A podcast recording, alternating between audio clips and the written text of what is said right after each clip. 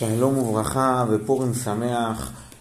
מרדכי מתואר בתור אדם שהוגלה עם הגולה אשר גלתה עם יחוניה מלך יהודה. כלומר, שימו לב לתודעה העצמית שלו, איך הוא רואה את עצמו. הוא לא רואה את עצמו כמרדכי, אדם תלוש שנמצא בשושן הבירה בניו יורק ונהנה לו את חייו, וגם יש לו זהות יהודית כזו או אחרת. לא, לא, ממש לא.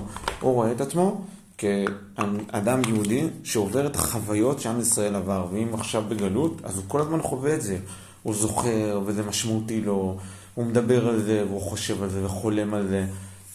והסיפור הלאומי איננו רק סיפור שמרחף לו מעל הראש, אלא חלק מהותי מההגדרה שלו כאדם. ולכן, כן, הוא מוכן אפילו גם להקריב על זה קורבנות, ולא להשתחוות לאמן, ולהסתכן. כן, למה? כי הוא חלק מזיכרון לאומי, וזה מה שמוביל אותו, ולא רק הזיכרון האישי הפרטי שלו. פורים שמח לכולם ובשורות טובות.